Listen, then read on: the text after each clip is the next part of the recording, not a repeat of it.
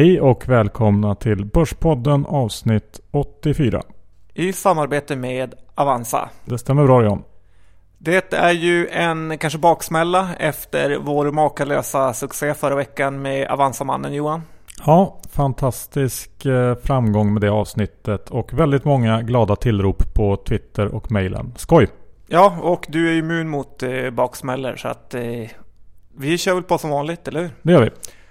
Tack Nordea, huvudsponsorn, Skandinaviens största bank, som stöttar Börspodden i vått och torrt. Det gör de verkligen. Och deras räntebevis är ju lite våta Johan, som ger ganska fin avkastning när räntan är negativ. Ja, Både fasträntebevis och räntebevis kopplade till Stibor.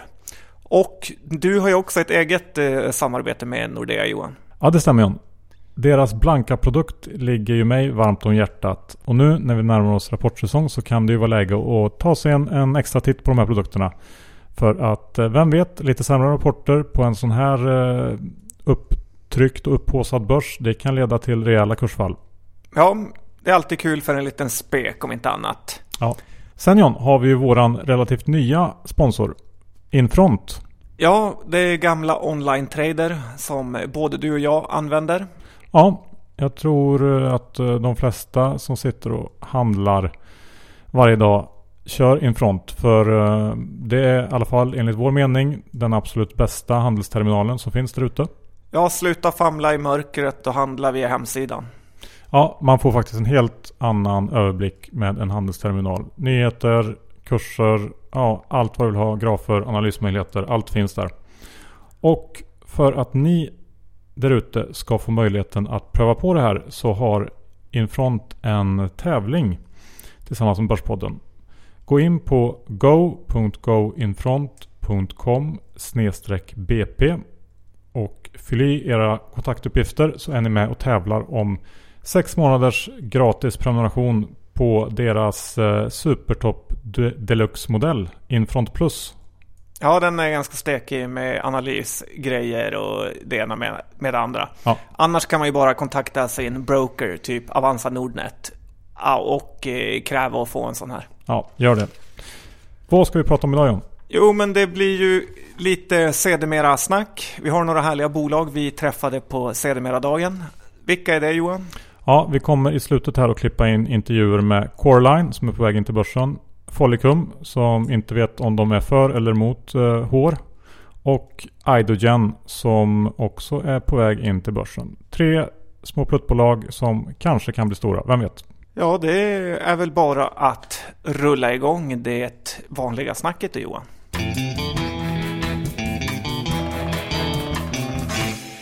Johan Isaksson, som vi brukar säga. Index eh, 1700, kommit upp lite här sista dagarna.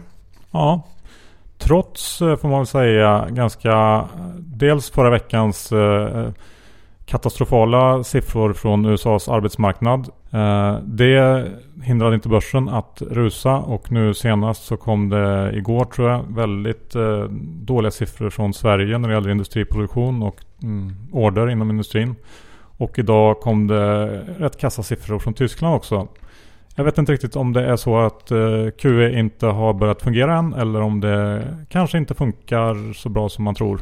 Men hur är det nu på börsen? Är det bra med dålig stat för att räntorna inte höjs eller är det dåligt för att det inte har kommit igång? Ja, just nu så är det ju po- positivt tolkningsföreträde känns det som. Så att eh, vad det än är så känns det som att eh, börsen tolkar det som bra. Men någonstans så, så bygger ju börsen på att det ska finnas hyfsade eh, vinstutsikter och eh, att bolagen ska kunna liksom hålla kvar i sina utdelningar och börjar den tron vackla då kan man nog få se lite mer oro. Så att eh, det gör ju att den här rapportsäsongen som kommer nu blir väldigt spännande. Ja, för den står ju alldeles bakom dörren här. Det är bara några dagar innan det smäller till på stort för årets första tre månader. Det väntas en ganska svag rapportsäsong från staterna. Ja, och det hänger ju ihop med att dollarn har gått väldigt, väldigt starkt. Då blir det tufft för i alla fall de här lite större amerikanska bolagen som exporterar mycket.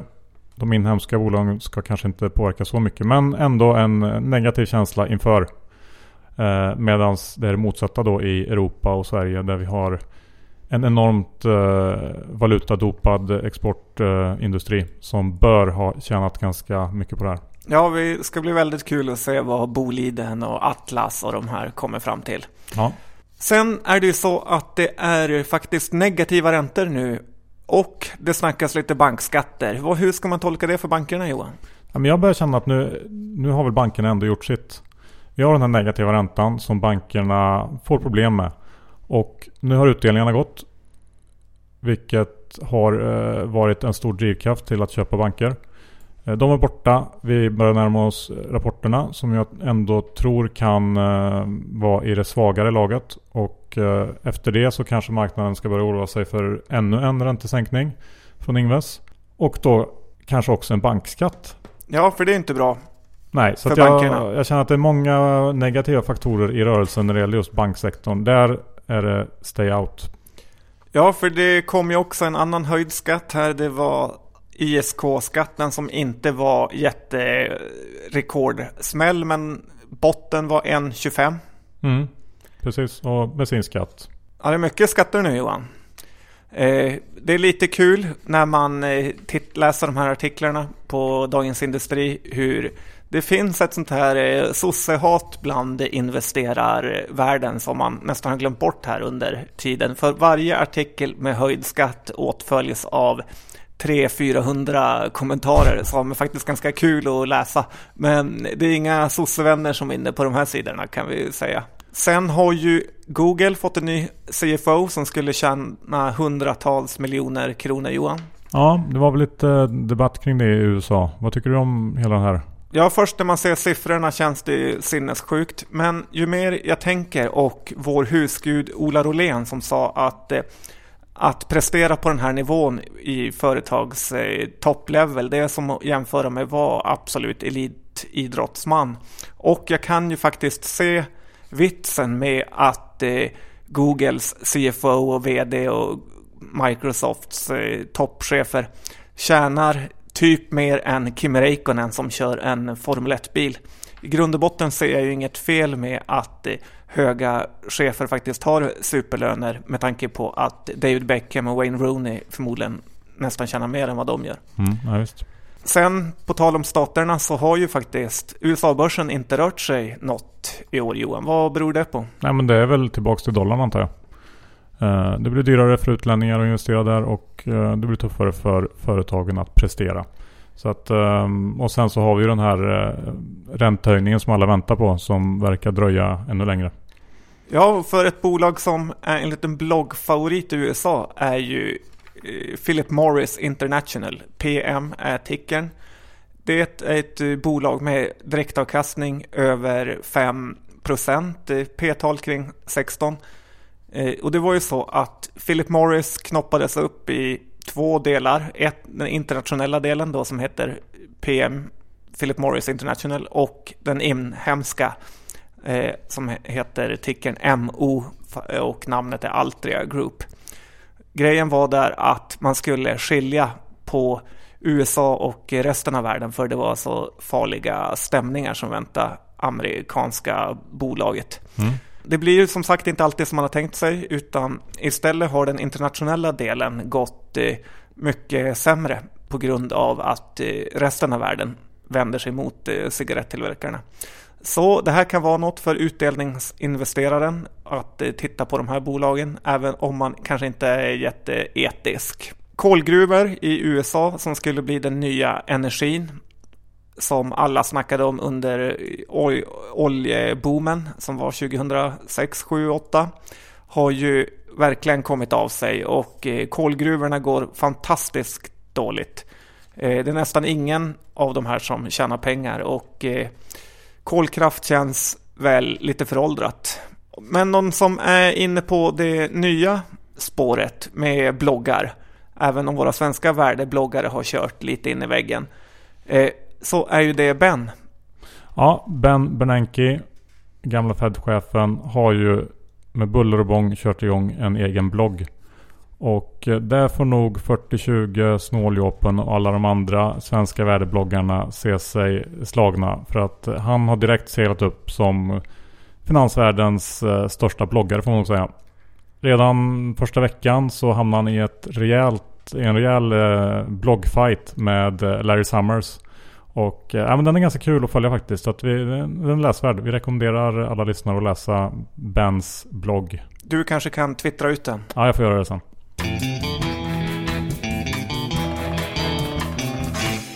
Johan, vi ska snacka lite bolag och eh, det är en jätteaffär i USA mellan Shell och BG. Ja, brittiska gasbolaget BG Group. Ja, och eh, vad som händer här i Sverige är ju då att Lupe tokrusar. Kan du berätta lite om det? Ja, jag antar att eh, det helt enkelt beror på att eh, många ser en sån här jätteaffär som väldigt positiv för hela sektorn och att man kanske tolkar det som någon slags botten. Att de stora spelarna tycker att det känns helt okej okay att gå in och köpa på de här nivåerna när oljan ligger här omkring. Och att det får fart lite grann på, på resten av sektorn. Men pluttebolagen typ Africa Oil och Enquest, det, det vill sig inte riktigt för dem? Nej, i första hand så är det väl eh, de här lite större med lite mer kvalitativa tillgångar och, och säkra tillgångar som man går på antar jag. Ska vi titta på en helt annan sak John? Preffar. Johan, det är ju så att vi är många lyssnare som är intresserade av fixed income-delen, alltså en relativt säker avkastning som kanske inte kommer stiga men som tickar in. Och ja. i preffar kvartal för kvartal. Ja, det är ju hett nu. Även om jag, jag vill flika in att jag kan tycka att det kan vara frädiskt eh, att gå in i sådana här saker också. Man får ju ändå inte så mycket avkastning. Men visst, kör på. Tack för din positiva introduktion. Mm. Eh, K2 har kommit in på börsen. Ett av eh, mina favoritinnehav som jag har nu. Och eh, det här är de som bygger studentbostäder. De har tagit in lite pengar och den här preffen handlas i ungefär 270 kronor. Vilket ger en direktavkastning på 7,3 procent. Jag tycker att den är ganska mummig och jag äger mycket hellre den här än Amasten Preffen eller eh, Victoria Park Preffen som båda handlas en bit över 300-lappen. Okej. Okay. Vad säger du om det som hände här i veckan då när Oscar Properties valde att lösa in sina preffar? Eh, preffen stod en bra bit över inlösenkurs och eh, då slog Oskar till, öppnade plånboken och köpte tillbaks preffarna billigare.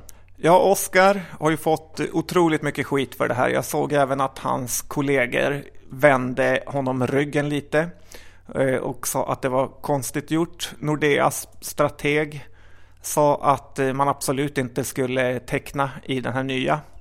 Men Johan, jag är ju precis tvärtom mot alla andra. Jag tycker det var rätt självklart att för om man tänker på bolagets bästa och det har stått i villkoren för alltid att man kan lösa in dem till det här priset. Man får 253 kronor ungefär. Den här aktien har nästan aldrig handlats över 260 kronors nivån utan det är sista tiden den har gått upp lite och anledningen till att den inte har gått upp med tanke på att Oscar Properties är ett fint bolag är ju just att inlösenkursen har legat här nere.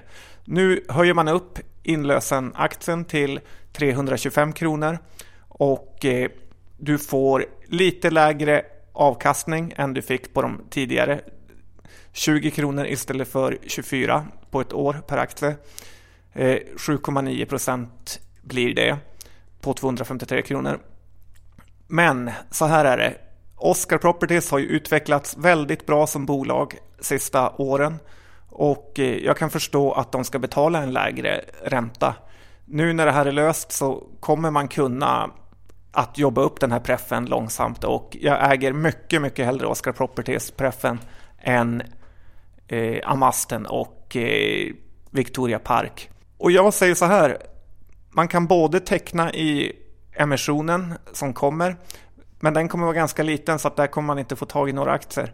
Däremot kan man köpa aktien också nu så får man byta en mot en och när det här med emissionen är klart då kommer nog aktien värderas upp. Så att eh, jag har köpt i den här och jag tror att eh, ju längre tiden går så kommer eh, aktien att stiga för att investerarna förstår det här att det bara blir en mot en och inte att man förlorar pengar på att eh, köpa den på en högre kurs än 253 kronor. Mm. Och eh, det man ska ta med sig kanske också från hela den här händelsen är väl att eh, man ska akta sig för att handla preffar över inlösenkurs. Eh, sånt här kan hända då. Ja, det kan det verkligen. Och eh, där har vi ju fastighetspartner som är sinnessjukt högt över sin inlösenkurs. Sen hade vi en stor händelse i den heta biotechsektorn här i veckan. Pled Pharma. Ja, Pled är ju en liten investerarfavorit och eh, de med buller och bång skickade de ut eh, en pressrelease om en lyckad studie. Aktien öppnade kring 50-lappen efter att ha handlats kring 20-30-lappen under en lång period. Eh, när sen väl de kunniga gick igenom resultatet så visade det sig inte alls vara så bra som det kanske bolaget ville påskina. Och det är just sånt här som gör att det är omöjligt för småsparare att eh, handla i de här bolagen. Vi kommer ihåg Bioinvent när de lyckades med sin studie. Efter det så tittar aktien i princip aldrig upp igen.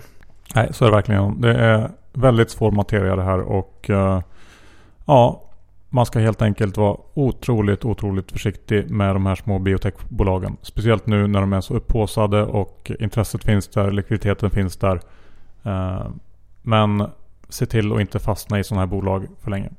Det är min personliga uppfattning. Och erfarenhet. Troax Johan som vi hade i veckans aktier var ju en eh, klockren förvärv om man nu fick några aktier.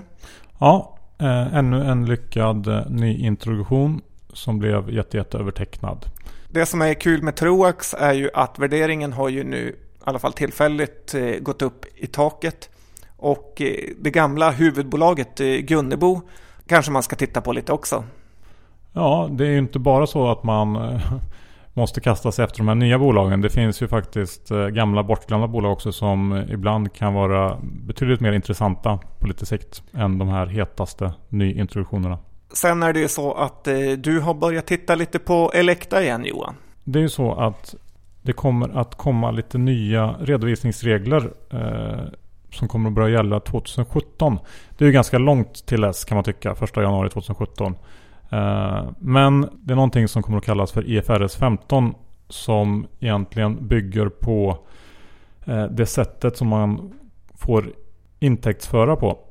Och eh, det här är en jättelång bibba som jag liksom skummat lite kring och jag ska undersöka det lite mer. Men i grund och botten handlar det om att eh, med de nya reglerna så ska en intäkt eh, bokas först när man har levererat en service eller vara till kunden. Eh, så här ser det inte riktigt ut idag utan eh, det kan skilja sig ganska mycket mellan olika bolag och vad man har för olika principer för det här. Men det här kommer då gälla för alla bolag och det är tänkt att det ska vara en, en mer, ehm, ett mer strömlinjeformat regelverk som gör det lättare att jämföra bolag eh, mellan sektorer och, och mellan länder och sådär. Vilket verkar vettigt. Eh, Elekta idag som ett exempel bara, det här kommer ju påverka många bolag, men Elekta tar och redovisar sina intäkter väldigt långt innan de, eh, den här överföringen av varan eller tjänsten görs. Och det är också en anledning till att de har det dåliga kassaflödet som de har. Eh, det här kommer de inte kunna göra när de här nya reglerna kommer och det kommer att göra en ganska stor skillnad på deras redovisade vinst. Eh, det här tycker jag är ganska intressant. Jag ska kolla mer på det här framöver och försöka grotta fram eh, fler bolag som, som kommer att påverkas väldigt mycket av det här. Jag såg en analys av Handelsbanken som räknar med att med de nya reglerna och även lite andra saker att EPSen kommer att sjunka med kring 50% för Elekta. Vilket ju är enormt mycket. Så det här är någonting som vi kommer att föra mer om framöver. Och bolagen kommer behöva börja förbereda sig för det här och ändra sina sätt, sitt sätt att rapportera och sådär. Så att det här eh, tror jag är någonting som man ska lära sig mer om helt enkelt. Ja men det låter ju väldigt eh, intressant faktiskt. Sen John, vi var inne på att vi går in i rapportperioden snart. Men trots det så håller de här lite större bolagen på med de här konstigheterna som kallas för pre-earnings calls. Vad är det för något? Det kan man fråga sig. Det handlar om att man pratar med de analytiker som följer bolaget och uh, ja, ger lite mjuk guidning kan man säga kanske. Förra veckan så hade Sandvik ett pre-earnings call. Och uh, jag läste en Handelsbanken-analys efter det som skrev att eh, deras känsla efter det här kolet var att efterfrågan har varit lite svagare än väntat. Jag tycker att hela den här grejen i sig är väldigt märklig att det fungerar så här. Att man ger eh, toppanalytikerna lite förhandstips nästan. Ja, men lite så. Även om man kanske inte säger eh, någonting rakt ut så bygger mycket på man har träff känsla. Man har träffat eh, vdn eller IR-personen tidigare och man kan läsa av lite grann. Och jag förstår inte varför man överhuvudtaget ska ha de här eh, informella mötena innan rapporten kommer. När det ändå är så snart. Nej, det låter ju väldigt märkligt. Men eh, nu vet ju alla som lyssnar på Börspodden att eh, Sandviks rapport kommer bli dålig i alla fall. Precis John. Du, det här var allt vi hade den här veckan. Ja, nästan allt va? Ja, nästan allt. Precis. Vi har ju tre härliga intervjuer kvar att eh, skicka ut. Och eh, vi börjar med Coreline. Sen kommer Follicum och sist Idogen. Eh, lyssna på de här och se vad ni tycker.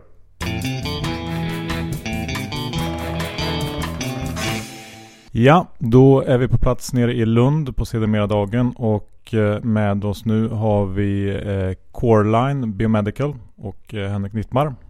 Välkommen! Tack så mycket! Ni är ju på väg in till börsen relativt snart. Eh, kan du berätta lite kort om vad ni gör och varför man ska fundera på att investera i ert bolag? Absolut. Bolaget Coreline, vi håller ju på med en egenutvecklad bioaktiv molekyl som hanterar oönskade immunförsvarsreaktioner. Och eh, vi jobbar inom tre marknadsområden. Dels cellterapi, dels njurtransplantation och sedan medicintekniska implantat. Och anledningen till att man ska eh, titta på bolaget lite extra just nu är ju därför att vi precis är i färd med att eh, ta in första patient i vår första kliniska studie inom diabetes typ 1. Och att vi har ett intressant prekliniskt program inom njurtransplantation som vi kör. Där vi räknar med att vi kommer in i patient under 2016. Låter ju spännande. Kan du kanske berätta lite om din egen bakgrund? Vad eh, du har gjort här tidigare i livet? Absolut. Jag har varit VD i Coreline sedan 2008 och eh, innan dess så har jag varit eh, entreprenör inom life science-industrin och startat två olika bolag inom det här området. Jag har jobbat med företagsutveckling och haft Ikanosfären som ägare. Eh, min, eh, min bakgrund är annars civilingenjör och jag har disputerat på Handelshögskolan i Stockholm inom Innovation Management. Ja, Okej, okay. det låter ju onekligen eh, som imponerande bakgrund. Men eh, kan du gå in kanske lite djupare på det som eh, Corline håller på med? Vad, eh, vad är det unika i det ni håller på med? Absolut. Vi, vi, jobbar med en omformulering av ett gammalt läkemedel, heparin. Heparin har använts sedan 30-talet inom kirurgin Eh, och är ett blodförtunnande medel. Eh, det, det, som är utmaningen med heparin är att det är väldigt starkt antikoagulativt och kan leda till en blödningsrisk om man överdoserar. Vi använder den molekylen men vi sätter den lokalt på det stället där vi behöver den här effekten. Och det kan vi då göra, det som är unikt med kolan att är att vi kan göra det på biologisk vävnad, alltså celler, hela organ utan att de tar skada. Eh, det kan inget annat bolag i världen som vi känner till åtminstone. Okej, och nu eh, ska ni ge er in i fas 1-studier. Hur mycket pengar tar ni in nu när ni går in på börsen? Vi tar in i denna omgången 12 miljoner kronor. Eh, där har vi täckningsförbindelse på 50 procent av det beloppet och sedan så söker vi då 6 miljoner från marknaden i den publika emissionen. Okej, och, och, hur länge ska det här, de här pengarna räcka? De räcker som vi har sagt minst 12 månader eh, i, vårt, i den här första kliniska fasen som vi nu är inne i. Eh, sedan ska vi eh, fundera på hur vi vill rekrytera ytterligare kapital för att täcka. Så det, det räcker inte riktigt genom fas 1 eller? Det räcker genom fas 1 för diabetes typ 1-studien men inte för njurtransplantationsprojektets fas 1. Okej, och den, den fas, andra fas 1 kör ni igång när kör ni igång den? Är det också i närtid? Vi har sagt under 2016 och har inte specificerat okay. närmare. Okej. Okay. Så att eh, då kommer man, får man räkna med att någon gång under 2016 så behövs det antagligen mer pengar. Ja, och eh, i vårt investeringsmemorandum säger vi att vi uppskattar detta till 20 miljoner kronor. När bolagsvärdet nu ligger kring 55 miljoner pre-money, hur kommer ni fram till det? Ja, eh, det är så här, vi har en väldigt stark ägarbas med familjen Crafoord och en familj som heter Sunnaväder som äger majoriteten av, av bolaget idag. De har investerat mer än 60 miljoner kronor i utvecklingen av den här tekniken och de här applikationerna. Dessutom har vi fått in eh, så kallade mjuka pengar från eh, EUs sjunde ramprogram och Vinnova upp, uppemot 11 miljoner kronor. Och eh, vi vill ge en liten rabatt. Inte något av de utvecklingsprojekt vi har eh, drivit har vi, har vi avslutat utan de, de är aktuella fortfarande och eh, vi vill ändå ge en liten rabatt i förhållande till de som investerat nu i den här eh, nyemissionen. Hur ser den potentiella marknaden ut då framöver? Om det här skulle gå hela vägen? Marknaden för, för produkter för att eh, bota diabetes typ 1-patienter är ju eh, eh, enorm och det är ett skriande behov för detta. Så att eh, där finns ju naturligtvis en stor grundpotential. Eh, inom njurtransplantation så, så genomförs ungefär 70 000 transplantationer varje år och upp till 40 procent av dem har det här problemet som vi försöker lösa. Eh, vi inriktar oss då mot eh, den europeiska och amerikanska marknaden där ungefär 35 000 transplantationer görs. Men marknaden är stor, helt klart. Om ni lyckas, eh, när kommer man se ett preparat på marknaden? Eh, vår strategi inom Kolan är att driva de här studierna genom fas 2. Och sen ska vi överväga om vi ska fortsätta driva registreringsstudier i egen regi eller tillsammans med partners. Det finns ingen satt tidplan för detta. Hur stor chans tror du att det kommer lyckas? Det finns alltid en inneboende risk i utvecklingsprojekt inom läkemedelsindustrin. Men eh, det faktum att vi använder en väldigt välkänd molekyl, den bioaktiva molekylen heparin, som, som har då en känd säkerhetsprofil, ökar ju våra chanser jämfört med helt nya ansatser. Det är ju ett väldigt brett område låter det som när man bara lyssnar så här. Vad är det som ni riktigt, som eller eran topp, eran core line? Vår core line, ja det är en bra fråga. Det är naturligtvis vårt eh, projekt inom cellterapi, diabetes typ 1 och njurtransplantation. Det riktar sig faktiskt eh, till samma användargrupp. Alltså kirurger som sysslar med njurtransplantation är ofta exakt samma kirurger som sysslar med cellterapi mot diabetes typ 1.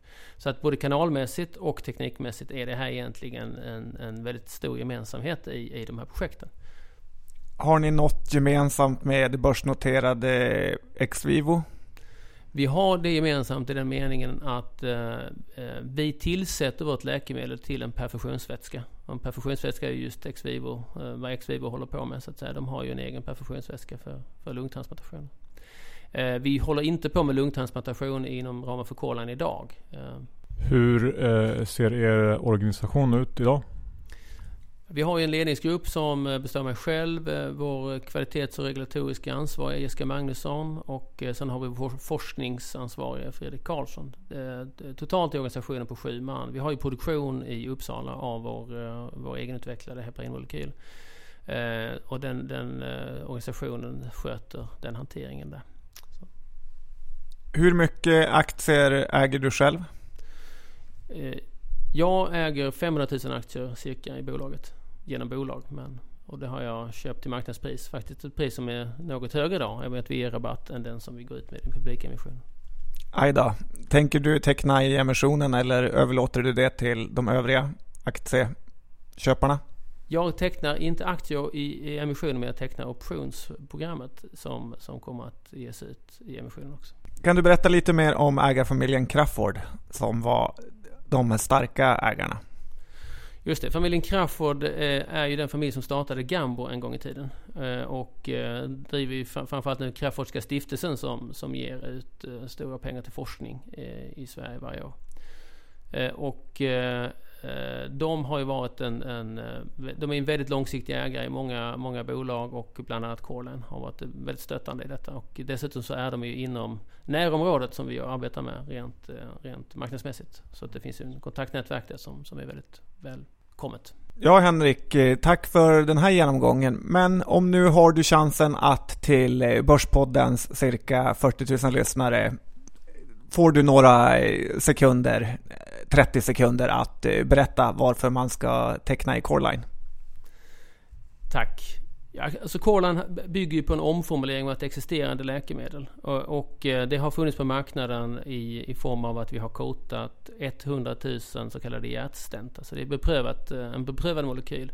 Samtidigt går vi in i nya applikationer där vi är på väg in i, i klinisk fas 1 i två väldigt spännande marknadsområden. Så att eh, det är en brytpunkt i bolaget i en positiv riktning som jag tror att ska vara väldigt spännande för mig att följa och hoppas att fler är intresserade av det. Tack så mycket för de orden och eh, tack Henrik för att du tog dig tid att träffa Börspodden och lycka till! Tack så mycket. Tack för att jag fick komma.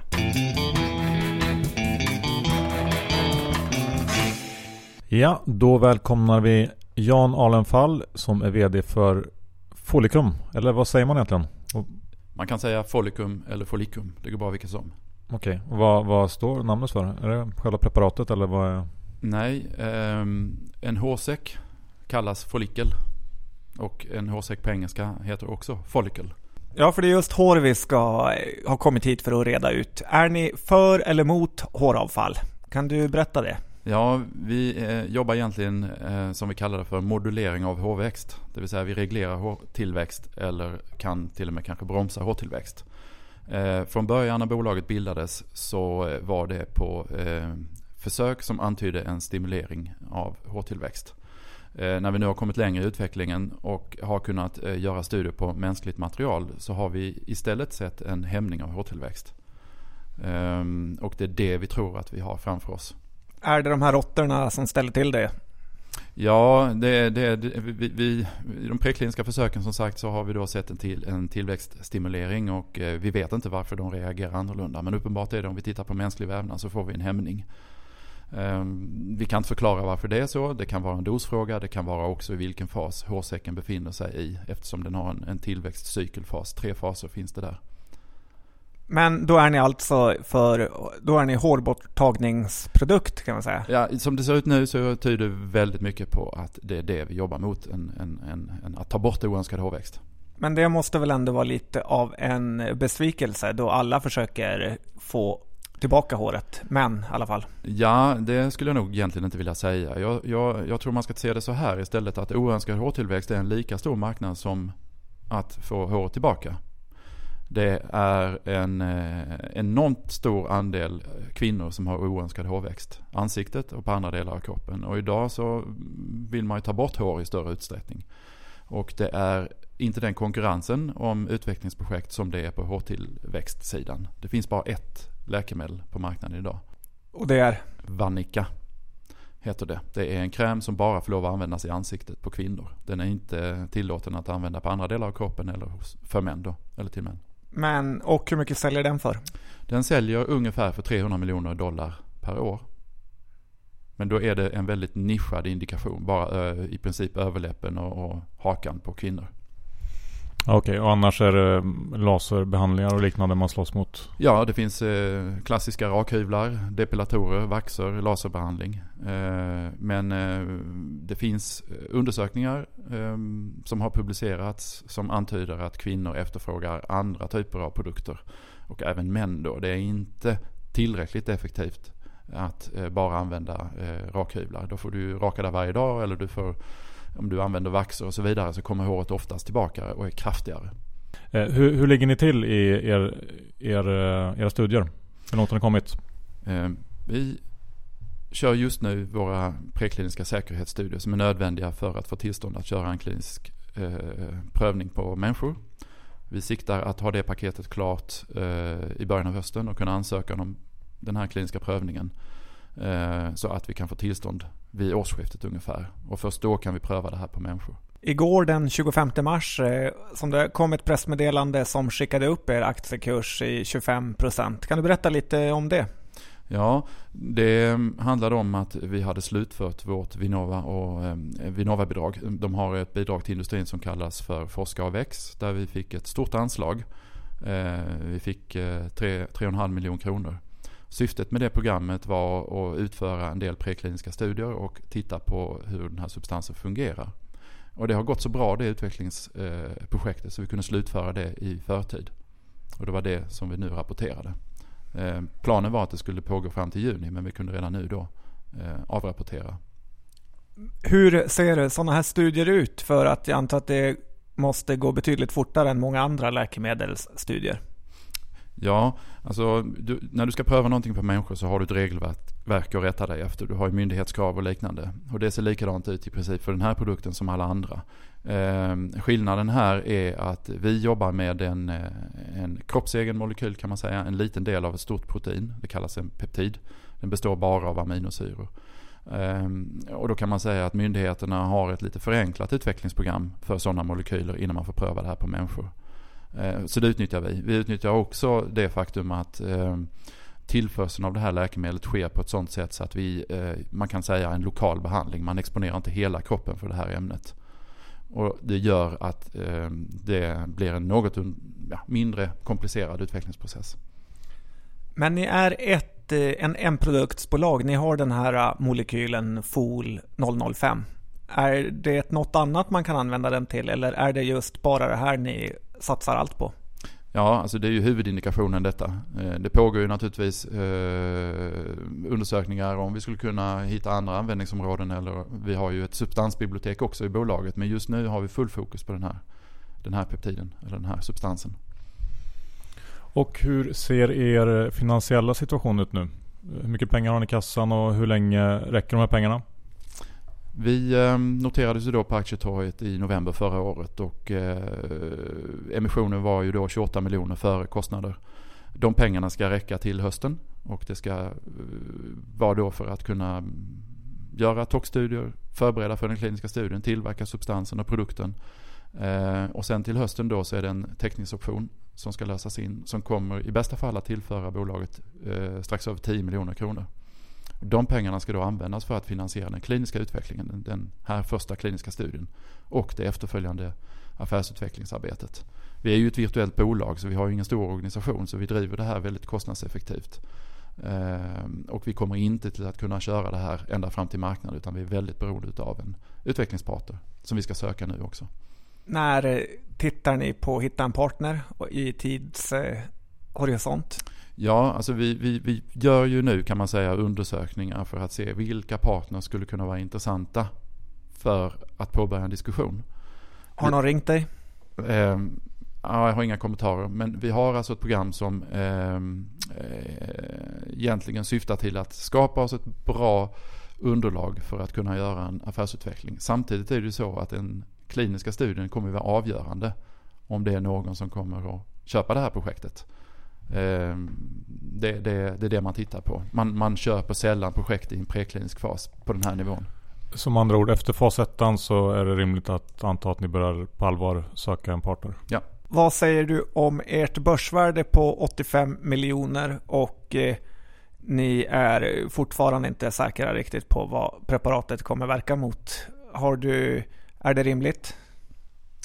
Det vill jag inte kommentera börsvärdet. Eh, jag vill bara kommentera att vi har i våra prekliniska studier visat effekt på humant material som visar eh, konsekvent eh, en hämning av hårtillväxt. Vi har material från tiotal donatorer plus att vi har kört en nyligen rapporterad transplantationsstudie som ligger helt i linje med de effekterna. Och när vi då pratar om effekt på humant material så tror vi oss naturligtvis att vi kan visa det här även i en klinisk situation. Men det återstår att se, det kan vi inte vara säkra på. Men det, det till skillnad från kanske många andra projekt där man har eh, där man vilar eh, mycket på djurdata så, så, att säga, så tycker vi att vi har kommit ett steg längre.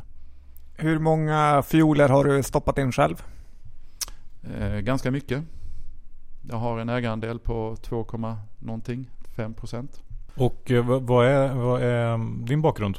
Min bakgrund är farmakolog. Ehm, jag är egentligen cellbiolog eller tumörbiolog. Har disputerat i ehm, farmakologi här i Lund.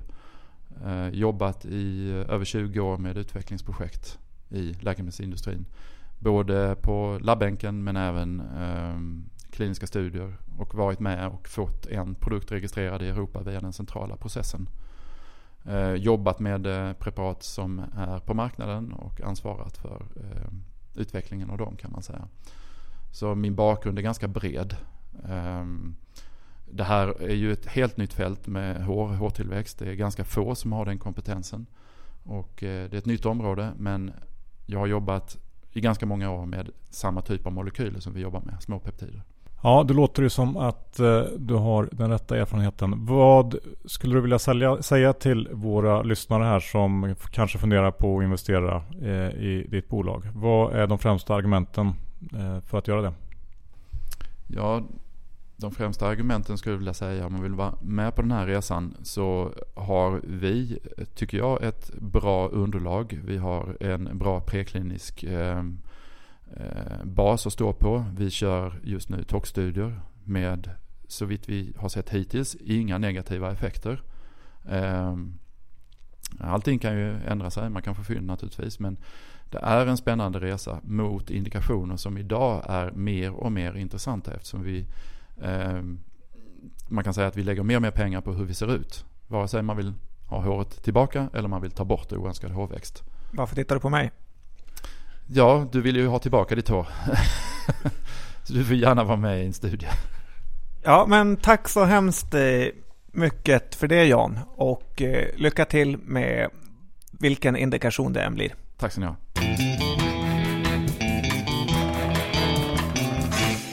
Ja, då säger vi välkomna till Lars Hedbys som är VD för eh, Idogen. Välkommen! Tack ska du ha. Eh, ni är på väg in till börsen inom kort. Tänker oss en notering på eh, aktietorget här i juni. Just det, spännande. Vad sägs om att du eh, lite kort berättar eh, vad ni sysslar med? Det gör jag hemskt gärna. Vi är ett um, forskning och utvecklingsbolag med, som är baserat på forskning från Lunds universitet. Vi finns i Lund. Vi håller på med en autolog cellterapibehandling baserat på tolerogena dendritiska celler, vilket ingen begriper. Så därför har vi skapat ett eget, ett eget namn, en term för det vi håller på med. Som, och vi är ganska unika inom det här området. Och termen är tolerogent vaccin. Så vi håller på att utveckla vad vi hoppas ska bli världens första tolerogena vaccin. Då är frågan vad är ett tolerogent vaccin? Eh, det har likheter men också skillnader med det vi normalt tänker på när vi pratar vaccin. Likhet är så tillvida att eh, om du är en patient så får du en eller två eller tre sprutor under begränsad tid. Eh, och sen sitter effekten i under väldigt lång tid. Bästa världar resten av livet. Eh, skillnader här är att det, de flesta vaccin som ni har fått och vi alla har fått, de är för att förebygga sjukdom. Det här är för att behandla en befintlig sjukdom.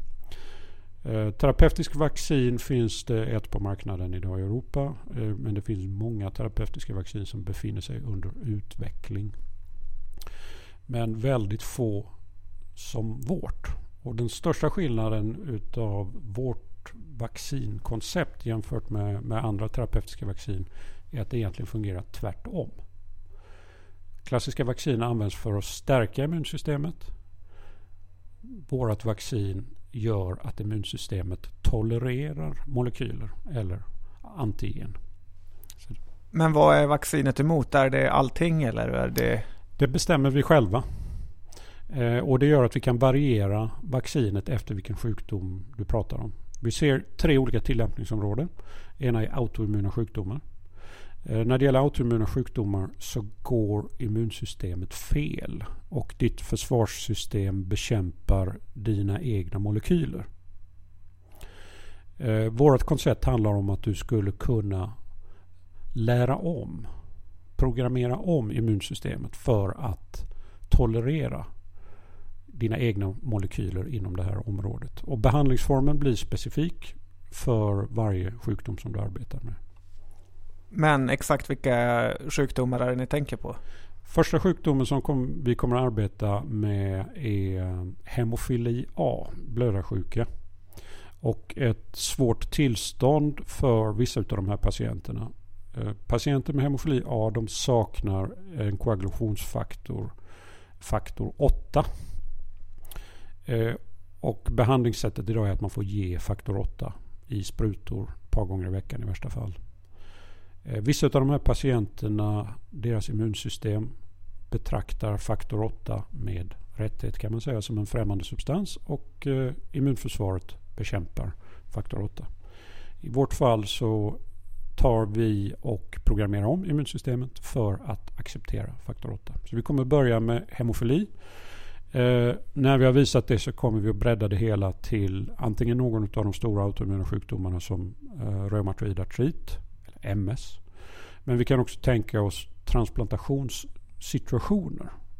I transplantation så fungerar ditt immunsystem precis som det är tänkt.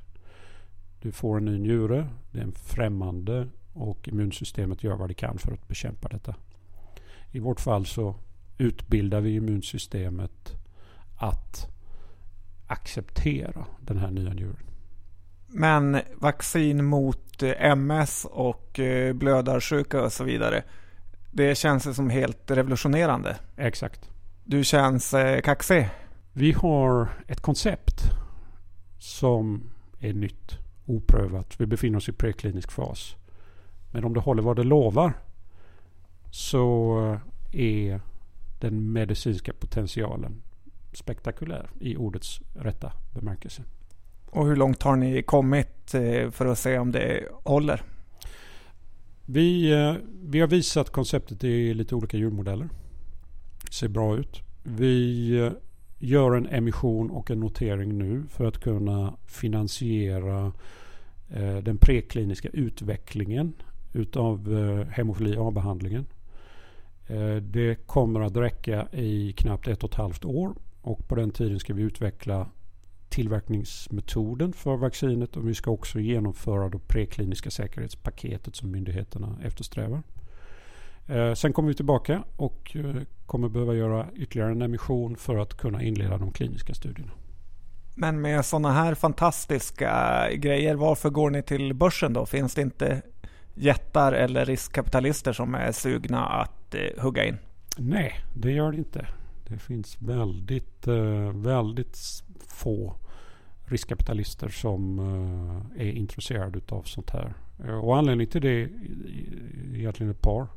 Dels är, ska vi säga, riskkapitalmarknaden i Sverige är väldigt liten inom life science. Det finns få riskkapitalbolag överhuvudtaget inom life science. De som finns de investerar typiskt inte så tidigt som vi gör. Om vi sen tittar på några av de stora bolagen så håller vi på med någonting som är väldigt annorlunda jämfört med vad läkemedelsindustrin håller på med. Vi utvecklar inte en tablett, inte en spruta.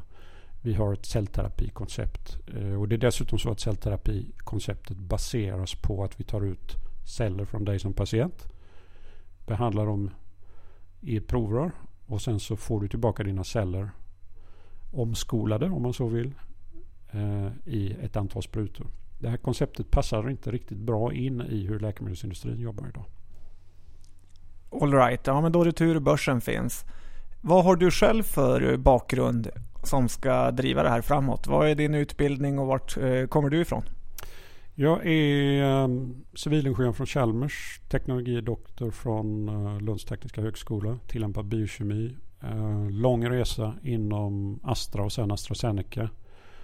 Jag slutade mina dagar som platschef för Lundenheten här 2003 och har sedan 2003 jobbat som VD för ett antal mindre bolag i Sverige och utlandet och har också grundat några läkemedelsbolag. Eh, bland annat Idogen där jag är en av medgrundarna. Och hur ser ägarlistan ut i, i Idogen nu inför listningen? Ägarlistan så här långt är att vi fick in en eh, extern investerare förra sommaren, Nordic Innovation Invest, eh, som har en tredjedel utav aktierna. Eh, resten ägs utav dels forskarna och dels Ventac Holding där jag ingår. Vi är en grupp sådana som jag, lätt gråhåriga, före detta biotech vd och liknande, som inte kan låta bli att starta bolag. Hur mycket pengar är nedplöjt i bolaget hittills?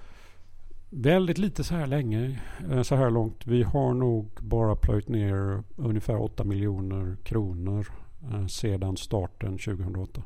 Okej, okay, spännande. Om vi ska försöka eh, sammanfatta den här lilla intervjun så eh, tänkte jag att du får eh, en halv minut på dig att eh, argumentera för varför Idogen skulle kunna vara en intressant placering inom eh, den här sektorn? Vi har en ambition att utveckla och marknadsföra världens första tolerogena vaccin. Som skulle kunna leda till långvarig behandling. Vi kan till och med drömma om att bota en lång rad sjukdoms, sjukdomar och sjukdomstillstånd. Eh, autoimmuna sjukdomar eh, antikroppar mot biologiska läkemedel och vi skulle potentiellt helt kunna förändra hur vi ser på transplantation och den efterföljande behandlingen som idag alla transplanterade patienter behöver genomgå. Okej, tack så mycket Lars och lycka till här nu inför listningen. Tack själva.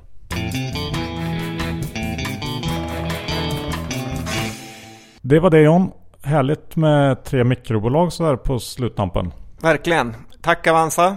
Tack så mycket och tack Nordea.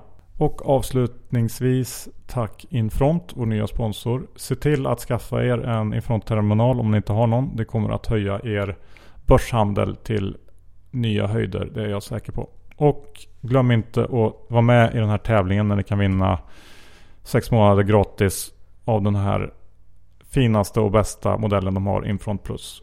go.goinfront.com bp Ja Johan, det börjar närma sig slutet. Det kanske är slut om 30 sekunder nu. Vi finns på Gmail, Twitter och eh, Facebook såklart. Precis ja. Du har, finns på Flickr också. ja, vi kan säga det. Ha det så fint så hörs vi om en vecka igen. Hej då!